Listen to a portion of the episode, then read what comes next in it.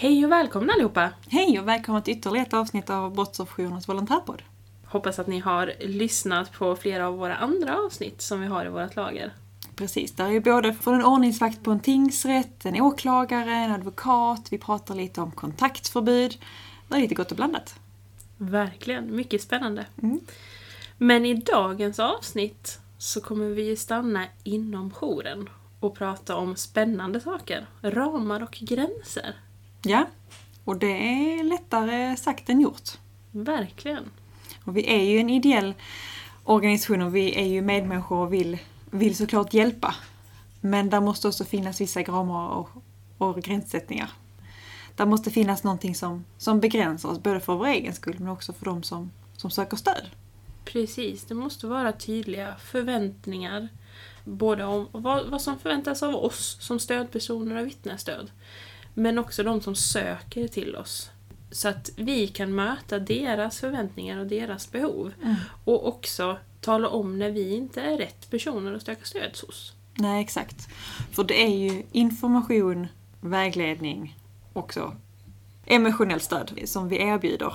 Och det behöver de ju få veta. Mm. Och jag tänker det är extra viktigt när man har en mer långsiktig kontakt som en stödperson till exempel, att, att, det, blir, att det blir tydligt från början. Så det inte är så att man förväntar sig till exempel att man ska prata med psykolog. Eller man ska få juridisk rådgivning. Precis, eller att vi ska bedriva förundersökningar. Mm, precis. Så att vara tydlig med det för både er, er skull och den stödsökande skull. Men det händer ju att, att även om vi gör tydligt från, från början att det är medmänskligt stöd, det är stöd, information och vägledning, så kan man ju finnas i situationer där det efterfrågas mer än vad vi kan ge. Mm. Och idag så ska vi ju titta lite närmare på de här hindren som, som vi kan stöta på Mm. i våra uppdrag. Så eh, spänn fast er så åker vi!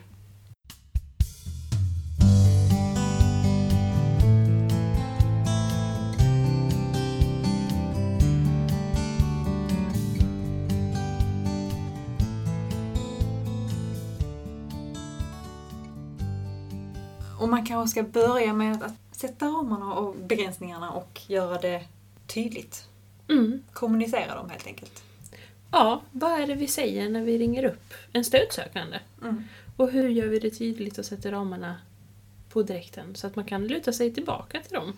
Precis, för att vi, vi tror i alla fall på att göra det tidigt i samtal. Så att de, de vet vad de ger sig in på. Mm. Och vi sen kan falla tillbaka, precis som du sa Jenny, att man kan falla tillbaka på det sen i, i kontakten. Mm. Det vi tycker är viktigt, det är ju att vi är tydliga med vad vi kan göra och inte kan göra. Vad det innebär att, att ha en stödperson och vad ett medmänskligt stöd är. Och då också kontra vad vi inte kan göra, det professionella stödet. Det är inte som att prata med en psykolog eller kurator. Vi ger ingen typ av behandling eller samtalsterapi. Ingen traumabearbetning eller någonting sånt. Och vi kan ju inte heller ge några, någon juridisk rådgivning för det är ju juristernas och advokaternas uppgift. Detsamma gäller ju brottsutredning. Vi kan inte bedriva någon utredning i vad som har hänt och vad som har sagts och vad som har gjorts. Utan det är ju polisen som bedriver den utredningen. Och samma sak med ersättning, skadestånd och sådana direkta frågor om summor. För att det är ju Brottsoffermyndigheten som är experter på det. Vad det är man kan, kan yrka på i skadestånd. Eh, men också sina försäkringsbolag som man kan ta kontakt med och se om man, om man har någon försäkring som täcker. Mm. För att vi inom Brottsofferjouren, vi har ju inga ekonomiska medel och vi har ju inte, inte heller några bostäder, några skyddade boenden eller liknande. Ja, precis, för den, den frågan kan man ju få ibland, liksom vad vi erbjuder för typ av skydd. Men det är också, dels är det ju polisen eh, och eh, deras brottsofferhandläggare som ska ta, ta de besluten. Och sen är det socialtjänsten med skyddade boenden. Det är inte heller här. Nej. Utan det vi gör och det vi kan hjälpa till med och eh, det som man kan uttrycka det är ju att vi erbjuder ju ett medmänskligt samtalsstöd. Vi finns här för att lyssna på personen. Ge utrymme och en trygg samtalsmiljö där man kan få uttrycka sina tankar. Man kan få sätta ord på vad det är som har hänt. Men också sätta ord på sina tankar och sina reaktioner och konsekvenser efter brott. Precis. Men hur har det här påverkat mig? Och hur kan jag ta mig vidare? Och likadant som att få svar på frågor. Om generellt, hur brukar en polisanmälan gå till? Vad har jag att vänta mig? Vad innebär ett målsägande beträde? Hur ansöker jag om kontaktförbud? Praktiska frågor. Mm. Och så vägledning. För är det så att det är utanför våra ramar, ja men till exempel om det är så man har blivit utsatt för ett bedrägeri och där är inte en slant kvar. Som du sa, vi, vi ger ju inte någon typ av ekonomisk ersättning. Okej, var kan personen vända sig då? Så vi kan också vägleda dem rätt när det är behov som är utanför våra ramar och gränser. För stödet ska ju utgå från den stödsökandes. Mm. Oavsett om det är på tingsrätten, oavsett om det är i eh, uppdraget som stödperson som man får kontakt med, med personen så är det ju den brottsutsattes, vittnet eller en anhörigs behov som vi ska styras efter. Och vi har ju våra ramar och gränssättningar, så utanför det har vi svårt att hjälpa till men vi kan vägleda dem rätt. Mm. Men innanför här så kan vi ju lägga upp det vad som passar oss bäst. Och vi är alla individer, vi har olika sätt att ha samtal på. Men vi har våra verktyg, olika samtalsmetoder som, som aktivt lyssnande till exempel, som där finns på, på webbportalen. Men utanför det så kan vi vägleda dem rätt och det är också en viktig del av, av det medmänskliga stödet. Mm. Verkligen. Och, och ge information, precis som du sa Emelie, att vi kan svara på frågor. Men vi kan också, eh, som vittnesstöd på tingsrätten, eh, ge information om hur det brukar gå till i en tingsrättsförhandling, hur det ser ut eh, innanför den här dörren som man ska gå in i, vart man ska sitta någonstans, vilka fler som sitter där inne, vilka roller de personerna har. Så att det är ju medmänskligt samtalsstöd, information och då också svar på frågor och vägledning. Och eftersom de olika uppdragen ser olika ut så, så är det också olika förutsättningar just för att ge den här informationen. Det kan inte vara så att vittnesstöd på tingsrätten har, har jättelång tid att förklara att men det är inget professionellt stöd. Det kan inte det som personen efterfrågar heller. Men det är viktigt att liksom, ja, jag är vittnesstöd här idag, information och, och så här, vill du att jag ska visa dig hur, hur tingsrättssalen ser ut till exempel om man har en bild på den. Ehm, så man anpassar den här informationen, alltså om våra ramar och gränssättningar efter liksom, tillfälle och, och uppdrag. Mm. Utefter behov och också tid, den Ja. tiden man har. För i stödverksamheten så kanske man har avsatt lite längre tid. Man kanske har avsatt 45 minuter till ett samtal. Medan på tingsrätten så, så kommer vittnet inspringandes fem minuter innan man ska vara på plats Mm. för att tåget har blivit försenat. Mm. Och då får man ju verkligen anpassa stödet utefter de få sekunderna man har kvar. Exakt, och på tingsrätten så har man ju en kortare liksom, fysisk på plats insats och kortare oftast än, än stödverksamheten. Mm. Så det är ju det är viktigt att det kommer fram men där kan man ju väva in det i informationen Mm. till exempel. På ett annat sätt än vad kanske en stödperson gör. Precis.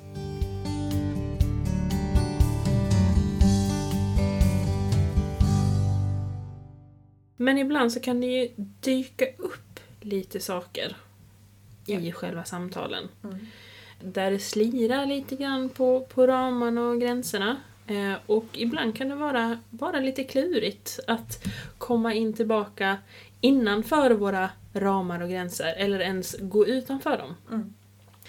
Och vad kan man göra då egentligen?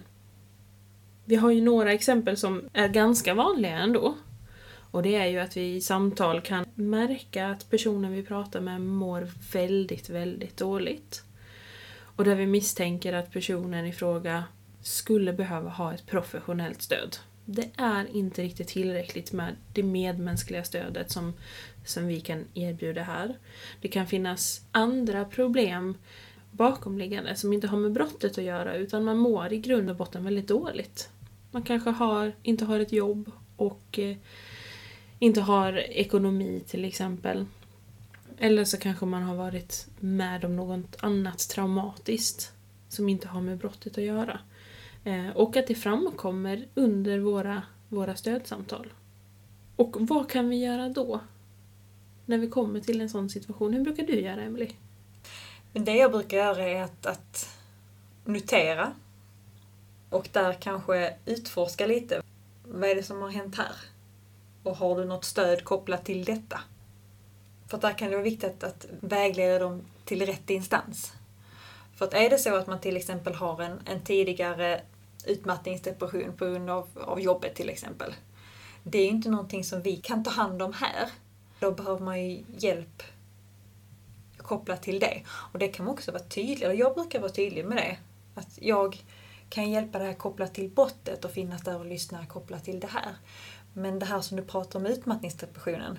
Eh, hur tänker du kring, kring stöd med den? Och har, har du det? Har du fått det från en arbetsgivare till exempel? Eh, och är det inte så så kan jag ju liksom återigen att det är inte någonting som, som jag är expert på som, som jag kan hjälpa dig med. Men det kanske skulle vara så att du behöver prata med någon annan kopplat till det här. Och liksom utforska lite deras motivation till det. Mm. För att liksom få vägleda dem rätt. Att jag, att jag återkommer till mina ramar. Att det är inte det som, som jag ringer för och det jag kan. Men behöver du stöd så kan vi hjälpas åt att var skulle du kunna hitta det? Så brukar jag göra. Och det tycker jag låter som en superbra grej. Utforska, kolla om personen i fråga redan har ett stöd kopplat till det. Och då knyta tillbaka till att vi här i det här samtalet pratar om din brottsutsatthet och vad det är som har hänt där. Eller som du säger, att om inte personen i fråga har ett professionellt stöd så kan vi hjälpa till att vägleda. Mm. Mm. Precis, och det kanske i situationen känns jobbigt att vara lite fyrkantig. Och det kanske inte är så att jag gör det liksom första indikationen jag får, att liksom, okej, okay, jag noterar det för mig själv att här finns något annat bakomliggande. Och kommer det upp igen, att liksom man återkommer. Om vi då tar ett annat exempel som om det skulle vara till exempel ett barnbarn som har väldigt svårt i skolan. Och att till sist, man kanske nämner det lite, man kan prata om det i fem minuter i ett samtal. Ja men det är ju okej okay för att det är också en del av, av livet liksom. Så det är klart att det blir en del av det som, som läggs till kopplat till brottet. Men är det så sen att det blir mer och tar upp mer och mer och mer av samtalen, då är ju inte vi rätt. För då är det det personen, och då kan man liksom fråga. Vi har pratat väldigt mycket om ditt barnbarn, är det så att du känner att, att det är just det som är, är det viktiga och det som är kopplat till brottet, har liksom, att det känns, känns bättre nu? Eller hur, hur känner du kopplat till de här två sakerna som jag hör att du pratar om? Vi har pratat om brottet och nu pratar du mycket om ditt barnbarn. Hur tänker du kring de här? För att som sagt utforska. Mm. Och är det så att det är barnbarnens situation som är det mest trängande. Okej, okay, det är inte jag. Men vad säger du? Ska vi, ska vi se om vi kan hitta någonting, något alternativ till dig som hade funkat? Mm. Så kan man hjälpas åt att, att hitta rätt. Vi behöver vara lite fyrkantiga också. Mm. För att ska vi hänga alla deras problem, om man vill uttrycka sig så, och lägga dem så blir vår ryggsäck väldigt, väldigt, väldigt tung. Precis. Och man måste också hålla sig till uppdraget hur, mm. hur väl man än vill en annan person. Jag håller helt klart med. Men det kan ju också vara så att, att man påbörjar en kontakt och att det under kontaktens gång, kanske tre, fyra samtal in, så märker man att personen börjar inte må bättre. Utan snarare sämre. Och att det har koppling till brottet. Det är det som snurrar, det är det och det är det som påverkar måendet. Men är det så att, att personen börjar må sämre så kan det ju vara så att vi behöver vägleda vidare efter en längre kontakt. Mm. Eh, till ett professionellt stöd. Och även under kontakt. Vi kan ju fortfarande ha mm. kontakt med personen om vi och personen känner att det är bra. Mm. Eh, just kopplat till rättsprocessen. Och sen att en, en professionell kontakt, som en psykolog till exempel, tar vid och liksom tar själva bearbetningen. Precis. Det ena utesluter inte det andra. Nej, absolut inte. Det är ju precis som du säger, vi kan ju vara kvar i en del. Mm. Men att vi, vi låter eh, den professionella aktören ta vid. Då kan man ju fråga lite, lite grann så här att har du tidigare varit i kontakt med någon professionell? Har du pratat med en kurator eller psykolog tidigare? Och har personen gjort det så kan man ju undersöka det. Ja, men när du pratade med den här personen, kändes det okej? Är det en person som du skulle kunna ta kontakt med igen? Eller finns det någon annan som du skulle kunna ta kontakt med inom vården för att få det bästa stödet utifrån dina behov? Mm. Utforska inom, inom vården chansen till att få en remiss, prata med sitt försäkringsbolag. Finns möjligheten att få det via hemförsäkringen. Eh, arbetet, Mm. facket. Ibland kan det vara så att, att arbetsgivaren eller facket kan, kan gå in och ge om det påverkar jobbet. Eh, Och det kan ju vara så att de har väldigt dåliga erfarenheter av professionellt stöd sedan tidigare. Mm. Och där kan man ju utforska motivationen att kanske testa någon annan. Man behöver Mm. inte gå tillbaka till samma, till samma psykolog till exempel. utan Man kan ju testa någon ny. För det är viktigt att det känns okej och att personkemin stämmer. Och sen kan det ju vara så att, att vi får frågor om direkt juridisk karaktär. Mm. Det vi var inne på, att det är ju någonting som vi inte kan ge. Nej. Och vi, vi kan inte ge våra personliga åsikter och synpunkter om någonting. Eh, egentligen. Eh, som till exempel vilken jurist som stödsökande bör ta, ta kontakt med. Vilket målsägande är bra och vilken ska jag undvika. Vi kan inte ta ställning där. Det vi kan göra det är ju att motivera till att ta kontakt med, med eh, domstolen eller polisen och, och eh, ansöka om ett målsägande beträde. Och berätta och informera om att man själv kan göra en eh, research. Mm. Och själv kan, kan kolla i olika forum, man kan googla och höra sig för i, si, i sitt nätverk. Om det är någon annan som har, har god erfarenhet. Men komma tillbaka till att vi kan, tyvärr kan vi inte svara på, på direkt juridiska frågor. Eh, men vi kan finnas här och ge information Mm. om hur rättsprocessen brukar fu- fungera.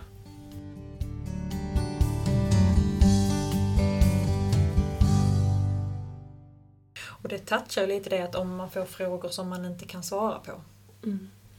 Det är inte ovanligt att man är på tingsrätten som vittnesstöd till exempel och får en fråga som man aldrig har hört tidigare. Om man inte har någon aning. Men då är det också okej att säga att du, jag vet faktiskt inte svaret på det. Men jag ska kolla upp det. Har man tid och möjlighet eh, på tingsrätten då till exempel att man kanske man kan prata med någon av säkerhetsvakterna, man kanske kan få tag på någon åklagare i någon paus, en domare i någon paus. Man kanske hinner ringa sin samordnare, göra en snabb Google-sökning. Hittar man inte svaret och det är ingen som kan svara på frågan, då får ju frågan vara obesvarad. Mm. Ibland kan man ha en uppfattning och vara ärlig med det. Att du, här fin, vi vet, vet inte vad svaret är på den här frågan. Så jag får, får lämna det osagt. Jag har försökt här. För då vill jag i alla fall visa att vi, vi försöker. Ibland har man ju en magkänsla. Att det borde vara så här. Och då kan man ju säga det, men var tydlig med att det är bara min magkänsla. Mm. Jag vet inte 100% så jag kan inte lova dig någonting. Vi kan inte veta allt. Nej. Och det kommer ju frågor, nu har ju både du och jag jobbat här länge, både som volontärer och, och sen som samordnare. Det kommer ju frågor fortfarande som jag inte har en aning om. Mm. Och det är okej. Precis. Och där är det ju lite lättare i stödverksamheten. Att skulle det komma en fråga som ni kan, inte kan besvara på direkt i samtalet, och då kan man få be och, och återkomma. Men vet du vad? Jag, jag är osäker på det här och jag vågar inte svara just nu. Men är det okej att jag kollar upp det här så pratar vi om det, återkommer vi till det vid nästa samtal. Eller om du föredrar att jag smsar dig när jag vet svaret. Precis. Så det är okej att inte ha svaret på alla frågor. pratade om det tidigare också, att, att vi utgår ju alltid utefter den stödsökandes behov. Det är det som står i centrum. Ja. Vi erbjuder alla de här sakerna, medmänskligt samtalsstöd, information och vägledning. Men det betyder ju inte att vi ger allting till alla som tar kontakt med oss. Utan är det bara svar på frågor och information som den stödsökande önskar, då är det det vi ger. Det är det vi erbjuder. Mm. Men är det så att den stödsökande vill prata om brottet eller prata om hur brottet har påverkat personen. Ibland så, så jag har ju samtal ibland där jag inte är helt säker på vad som faktiskt har hänt. Utan Vi får ju en brottsrubricering så att vi har ju ändå lite, lite koll. Men eh, det behöver ju inte betyda att vi vet vad som har hänt utan den stödsökande har behov av att prata om känslor, om rättsprocessen, oro och tankar kring det. Men inte alls om brottet som har begåtts. Mm. Och då är det det vi pratar om. Mm. Vårat behov och våra nyfikenhet ska ju inte styra det här samtalet. Nej. Utan det är ju den stödsökande som äger tiden. Mm. Som bestämmer hur, åt vilket håll vi ska, ska vandra helt enkelt. Exakt. Det kan ju vara väldigt traumatisk upplevelse, man orkar inte. Man kan ha dratt det fyra gånger för polisen och sen två gånger för, för någon annan och sen fem gånger för någon annan. Mm. Jag orkar inte prata om det här mer. Mm. Nej, men vet du vad? Då gör vi inte det. Mm. Och men på tingsrätten där, där ska vi inte gå in och undersöka vittnesmålet och liksom gräva runt i det och tycka och tänka om det. Men där kan vi ändå ge stöd. Mm. Och det är likadant i stödverksamheten. Vi behöver inte veta exakt vad som har hänt. Eh, Det kan vara så att kopplat till vissa frågor om rättsprocessen, man måste veta, okej, är, det, är det ett allvarligt brott? Är det, och då kan man ju ställa frågan. Och förklara att det beror lite på vad det är som har hänt. Och då kanske man får en liten del. Men vi kan ge stöd utan att veta exakt vad som har hänt. Mm. Eh, Det är, det är behovet som styr. Det ser ju olika ut och det är inte lika med bara för det är ett, en allvarlig rubricering att behovet är större än om det skulle vara en, en mer ringa rubricering på. Utan behovet är ju precis utifrån människan och dens livssituation och vad man har förutsättningar att ta just den här krisen just nu. Mm. Så därför måste vi också vara lydiga för behovet kan ju förändras under samtalet. Och där är det viktigt att, okej, mina ramar och begränsningar igen, var har jag dem? Och jag håller dem i handen. Men nu märker att skiftet går från att kanske prata mycket om rättsprocessen och informationen, till exempel på tingsrätten, till att prata mer om det som har hänt. Okej, nu, nu hör jag att det blir lite mer, att jag får lite mer här. Och i, i stödsamtalen att, okej, nu går vi in på själva händelsen. Då har ju behovet förändrats och kanske personen behöver få prata om det. Och vi får också lov att ställa frågan, vad behöver du av mig? Vad har du för behov? Du är lite inne på det där när, när eh, fokuset skiftar i, i, i samtalet. Och som du var inne på Emelie, så i vittnesstödsverksamheten så ska vi ju inte gå in i vad det är som har hänt och i själva vittnesmålet. Men ibland så kan det ju, alltså behovet vara att prata om det. Mm. Och behöva säga det här innan tingsrättsförhandlingen. Innan man, man blir inkallad. V- vad brukar du göra i sådana situationer? Då brukar jag bara lyssna. Mm. Behöver de få prata av sig så lyssnar jag. Men jag ger inga återspeglare i form av åsikter, värderingar. Jag frågar inte vidare. Okej, och vad hände då? Utan jag låter personen få berätta det som personen vill berätta. Och jag hummar och nickar och visar att jag, jag hör dig, jag är med. Men jag ger liksom inte någonting tillbaka. Mm. På så sätt mer än att jag, att jag visar att jag är här, jag hör dig. För att jag inte ska gå in och påverka eh, någonting. För det räcker att jag ställer en fråga inom en viss sak så, så styr jag berättelsen. Och då kanske vittnet tror att det är okej, det här är viktigt. Och då kanske vittnesmålet in i tingsrättssalen tar den riktningen. Så därför försöker jag att vara som ett, som ett blankt blad och bara okej, jag hör vad du säger. Mm. Och ibland kan jag liksom, jag säger att det är jobbigt att prata om det. Alltså jag, jag nämner inte jag ger ingen respons på själva händelsen de berättar, men jag ger respons på det jag ser händer hos dem. Mm. Alltså jag ser att de börjar gråta, jag, jag ser att du blir ledsen. Mm. Ehm, Eller jag ser att du blir arg, jag ser att du är stressad. Alltså att jag ger mer vad som händer här och nu snarare än i berättelsen. Mm. Inte påverka någonting i, i själva berättelsen. Exakt. Mm.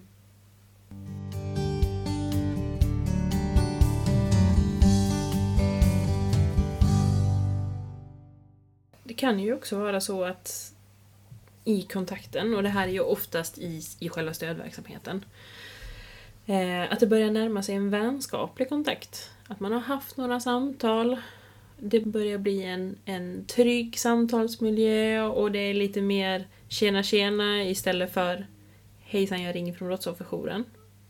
Kanske inte från från oss eh, som samordnare och stödpersoner utan ifrån den stödsökande.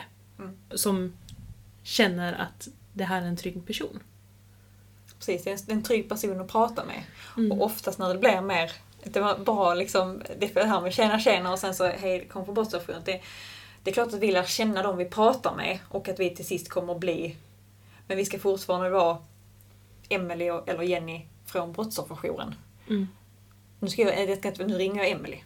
Alltså att vi, vi har liksom den, den distansen, vi ska inte skapa nya vänner. Eh, utan vi är fortfarande professionella medmänniskor. Det som av erfarenhet tycker att då brukar, när, när det sker, så brukar också eh, det märkas i samtalen. Att det kanske inte läggs lika mycket fokus på brottet längre utan det kanske börjar bli lite mer svävande runt omkring. Mm.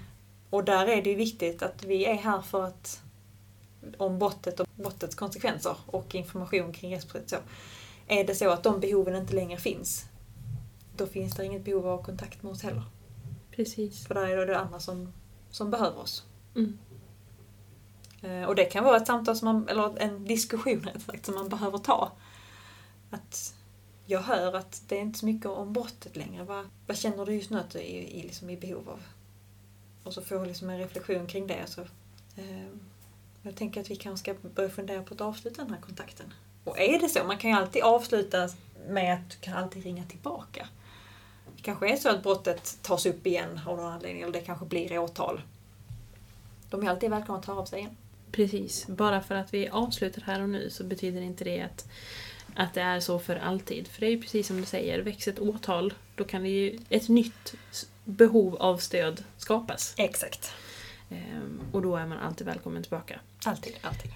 Men när det börjar förvandlas till, till en mer vänskaplig relation så, så är det ofta ett tecken på att behovet och kontakten eh, är på väg till ett avslut. Och det kan också vara så att man snubblar på eh, frågor om ens, ens privata sfär. Eh, I stödsamtal och i på tingsrätten. Men det kanske är så att man får frågan var man bor, om man har barn, eh, vilken utbildning man har, hur gammal man är, eh, om man är gift, om man har partner. Sådana frågor kan man ju få. Absolut. Hur hanterar du det Jenny?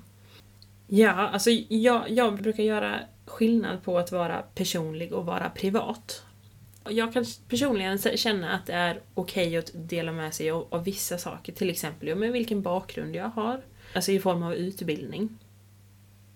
Känner jag att jo, men det kan jag de- dela med mig av. Eh, men sen när det kommer till mer privata frågor om vart jag bor någonstans, om jag bor, om jag är vittnesstöd på, på tingsrätten, så, så är det ändå ganska ofta det är eh, stödsökande som frågar just bor du här i Lund? Mm. Och de frågorna brukar jag undvika att, att svara på. Nej men jag, jag bor här i närheten. Men jag säger inte exakt eh, i vilken kommun eller i vilken by eller vilke, definitivt inte vilken adress jag bor på. Nej. No, det är en, en avvägning som varje volontär får göra själv. Vad Mm. är, vad är okej att jag delar med mig av och vad är liksom mitt privata? Mm. Det ser ju olika ut. Mm. Men att man får stämma av där med sig själv. Och är det så att de frågar om någonting som man inte vill dela med sig av så, så får man lov att säga det. Det här samtalet handlar om dig och, och inte om mig. Så jag tänker att vi, vi går vidare. Precis. Det är liksom okej att sätta den gränsen det här vill jag inte prata om. Mm. För så kan det ju vara i, i, i just stödsamtalen också. Att ja, men man, man kollar läget med, med den stödsökande. Och efter några samtal så kan ju den stödsökande i stödsamtalen också vilja veta saker eh, om, om mig som, som eh, stödperson. Där är det ju precis som du säger att där brukar jag försöka eh, gå tillbaka till att det här samtalet, det är för dig. Mm. Och eh, Inte för mig. precis. Mm. Vi får lov att sätta, sätta den gränsen. Mm. Och sen var den gränsen går beroende ju på, på vad man själv känner. Mm. Men det vi ska tänka på är att vi ska inte bli för privata. För då är det lätt att det börjar toucha en vänskaplig relation snarare än en professionell medmänsklig relation. Exakt. Sen så har vi det här med tidsramar och hur tillgänglig som vi kan vara i våra uppdrag. Mm. Nere på tingsrätten som, som vittnesstödjare, där, där är det ju... Vi finns på plats fysiskt på tingsrätten inför en förhandling. Och det är ju den tiden som man är där på plats. Det är den tiden vi har. Så att där är det ju ganska tydliga tidsramar och tillgänglighet. Vi finns där på, på dagtid när det är kallade målsägande vittnen och anhöriga. Men i stödverksamheten, där ser det ju lite, lite annorlunda ut. I och med att stödet ges ju främst via telefon. Mm. Och i ett telefonsamtal, det, det slutar ju inte efter 30 minuter. Utan där får man ju ha lite koll på klockan själv. Och se så att inte stödsamtalen blir allt för långa. För att det, det finns liksom ingen mening med att ha stödsamtal som är två timmar långa. Utan vi i våra jour i alla fall, vi har ju sagt att max runt 45 minuter Mm. eh, ser ju vi är, är lagom samtal. 45 minuter brukar vara en ganska bra tid. Eh, För sen är det, börjar det gå i looper. Och är det så att den den stödsökande har mer att prata om så kan man spegla det tillbaka. Alltså använda sina verktyg som, från aktivt lyssnande till exempel. Att jag hör att det, det är mycket mer som du vill prata om. Vad säger du? Ska vi boka en ny tid så vi kan fortsätta det här samtalet? Mm. För vi får också sätta den, den gränsen att nu, nu kan vi inte prata mer. Mm. Och det är alltid bra i början av kontakten att, att uttrycka det. Att säga ramarna att idag har vi, har vi 45 minuter eh, för det här samtalet och jag kommer, kommer tala om 5-10 minuter innan Mm. så att vi kan börja avsluta. Men med det sagt så behöver vi inte prata i 45 minuter utan när du känner att, att du har fått sagt det du vill här idag eller fått svar på dina frågor så, så kan vi avsluta redan då. Men vi har avsatt 45 minuter för, för det här samtalet idag. Mm. För är man tydlig i början så, så vet alla vad man kan förvänta sig om man har någonting att förhålla sig till. Och då när man i slutet av samtalet eh, säger att nu har vi pratat här i 35 minuter. Så att vi har ungefär 10 minuter kvar. Är det någonting du skulle vilja ta upp nu innan vi avslutar? Någonting som du skulle vilja säga? Ehm, för jag hör på dig att, att det är mycket tankar, det är, det är mycket som händer. Så, så vad säger du, ska vi boka in en ny tid? Vi har ju lite olika förutsättningar de olika jourerna. Vissa har jourveckor så att man är ansvarig för liksom alla ärenden som kommer in den veckan. Eh, andra har att man är, man är stödperson, man får ärenden och sen har man kontakter därefter. Så det ser lite olika ut men vår poäng är ändå att man ska inte vara tillgänglig 24 timmar om dygnet, sju dagar i veckan. Utan du är tillgänglig när du utför ditt uppdrag. Vi heter Brottsofferjouren men vi har ingen akut jourverksamhet. Då finns det andra verksamheter runt om i vårt samhälle som, som har den typen av funktion. Så att ha telefonen igång när du jobbar. Och när du inte gör det, så stäng av telefonen. Mm. När det liksom när din jourdag är slut till exempel, eller när, liksom, när man är samtalet slut så är samtalet slut. Om du har liksom kopplat till ärenden. Skulle det vara så att personen vill ha kontakt med någon från brottsofferjouren med dig så kan de alltid ringa till den lokala jouren eller till telefoncentralen. Så kommer du få ett meddelande om att de har ringt.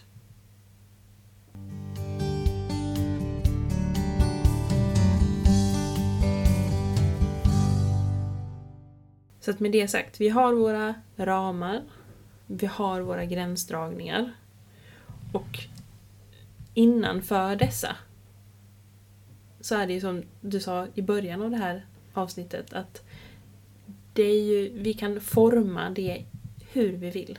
Bara vi målar innanför ramarna. Mm. Precis, och det är för vår skull och det är för den stödsökandes skull. Vi är inte lite fyrkantiga bara för att det, är, det ska så vara. Utan det är för allas, allas skull för att vi vet, okej, vad, vad är det vi gör här? Mm. Det blir definierat och då är det också lättare att, att jobba i det. När alla parter vet, okej, vi är här för det här, det är de här förutsättningarna. Okej, då kör vi. Mm. Då finns det alla förutsättningar för att det ska bli bra. Men ibland i, i samtal, både i stödverksamheten och i vittnesstödsverksamheten, så kan vi komma, komma i kontakt med personer som uttrycker missnöje. Eh, och då ofta utifrån rättsväsendet. Mm. Och ofta så är det ju polisen som är i skottlinjen. Ja, absolut. Definitivt. Mm, det kan vara nedläggningsbeslut eh, som, eh, som eh, målsäganden tycker är, är felaktig. Eller att polisen inte har beaktat all eh, bevisning i ärendet. Eller att målsäganden eller vittnet känner sig tokigt behandlat. Mm. Att det har ställts tokiga frågor eller att eh, polisens beteende eller attityd har varit ehm, Kränkande. Inte rättvist. där kan det ju vara lite, lite klurigt. Ja, men vart ställer vi oss här? Vi, vi kan ju finnas här för att lyssna och bekräfta eh, den stödsökande i sin situation och sina upplevelser. Mm. Men när det gäller till exempel nedläggningsbeslut så kan vi ju också vi behöver inte försvara hur polisen och rättsväsendet jobbar och deras beslut som de tar. Men vi kan ju utforska vad missnöjet grundar sig i. Är det ett nedläggningsbeslut så kan vi ju utforska i, ja men vad, vad står det i nedläggningsbeslutet? För att bara för att polisen lägger ner ett ärende så behöver ju inte det betyda att polisen inte tror på Nej, personen. definitivt inte. Utan polisen tror ju att Mm. ett brott har begåtts. Och tror ju på den brottsutsatte. Mm. Men ibland så finns det inte förutsättningar. Nej. Det var som avsnittet som vi har gjort tidigare gällande förundersökningen där polisen Lennart besökte oss. Det handlar ju alltid om bevisning. Mm. Hur mycket polisen än tror att det här har hänt, alltså, det handlar till syvende och sist om bevisning. Mm. Och att åklagaren ska kunna ta det till, ta det till rätten. Kommer det till en ord mot ord situation så räcker inte det till att väcka åtal. Det är så jättesvårt. Mm. Och som du säger, att utforska vad är det personen är missnöjd med. Så kan vi liksom, okej, men då vet vi hur, är det liksom är det polisens bemötande? Okej, det kan vi inte göra så mycket åt. Det vi kan bekräfta är att det är tråkigt att du upplever att du har blivit behandlad. Så vi kan ju inte ta ställning till om polisen har gjort rätt och fel för att vi, vi har bara fått en sida av version och det är inte vårt jobb att gå och bedöma polisens jobb. Nej. Det vi kan bekräfta är att det är väldigt tråkigt att du har blivit behandlad så här. Mm. Eller att du upplever det så här. Det är väldigt tråkigt. Så det kan vi ju alltid göra. Mm. Men att gå in och, och på något sätt ha en pekpinne mot polisens arbete, det ska vi hålla oss ifrån. Mm. Eh, Och är det så att personen, för ibland kan det vara så att personen vill att vi ska göra det, så är det bara att, att vänligt men bestämt säga att det, det, jag, jag har inte till- tillräcklig kunskap och jag vet inte hur polisen har jobbat i ditt ärende så jag kan inte uttala mig. Men det är tråkigt att det har blivit som det har blivit, till Mm. exempel. Så att det är liksom att ta, ta, ta ställning i hur någon annan har jobbat, åklagare, polis, advokat. Det kan vi inte göra men vi kan bekräfta personen i de känslorna som personen har. Mm. Det är likadant om, vi, om det blir så att vi får ett önskemål om att ta ställning i olika åsikter, eh, politiska åsikter. Eh, det kan vara så att man möts av främlingsfientlighet, att, att personen efterfrågar någon typ av bemötande från oss. Mm. Bekräftelse. Det är inte någonting som, för det handlar inte om det som vi ska göra. Så att vi behöver inte ta, och vi ska inte ta ställning i det. Nej, definitivt inte. Utan det kan man liksom försöka Dels så kan man, kan man välja att jag, det där hörde jag inte, jag plockar upp någonting annat som vi pratar om i det och börja fortsätta utforska det. Eh, att hitta liksom annat som vi har pratat om, kanske i direkt anslutning till det som vi sen kör vidare på. Eh, och är det så att stödsökande envisas så får vi lov att sätta en tydlig gräns. Mm. Vad jag tycker och vad jag tänker det, det håller vi utanför här. Utan jag är din stödperson så jag stöttar dig kopplat till brottet och det du har blivit utsatt för. Ehm, politiska åsikter och, och andra åsikter det kan vi lämna utanför. Mm. Vi får lov att sätta den gränsen. Mm. Det kan vara jobbigt och läskigt men vi får lov. Mm. Och, och är, det, är det så att den stödsökande kommer in på sådana här frågor som främlingsfientlighet så kan vi också... Du, det där har, har inte med saken att göra. Mm. Utan nu pratar vi utifrån brottet. Mm. Så att ni behöver inte sitta kvar och lyssna i de här samtalen heller. Ja, för det kan vara väldigt jobbigt att höra. Ja. Mm. Och framförallt när man inte håller med Mm. om de sakerna som uttrycks. Precis. Ni kan hålla era åsikter utanför. Eh, men ändå gå och sätta att i det här samtalet så är det liksom det har inte med saken att göra. Utan det, eller det, det bör vi inte ta i det här forumet. Det kan du ta i andra forum. I det här forumet så pratar vi om, om brottet. Mm.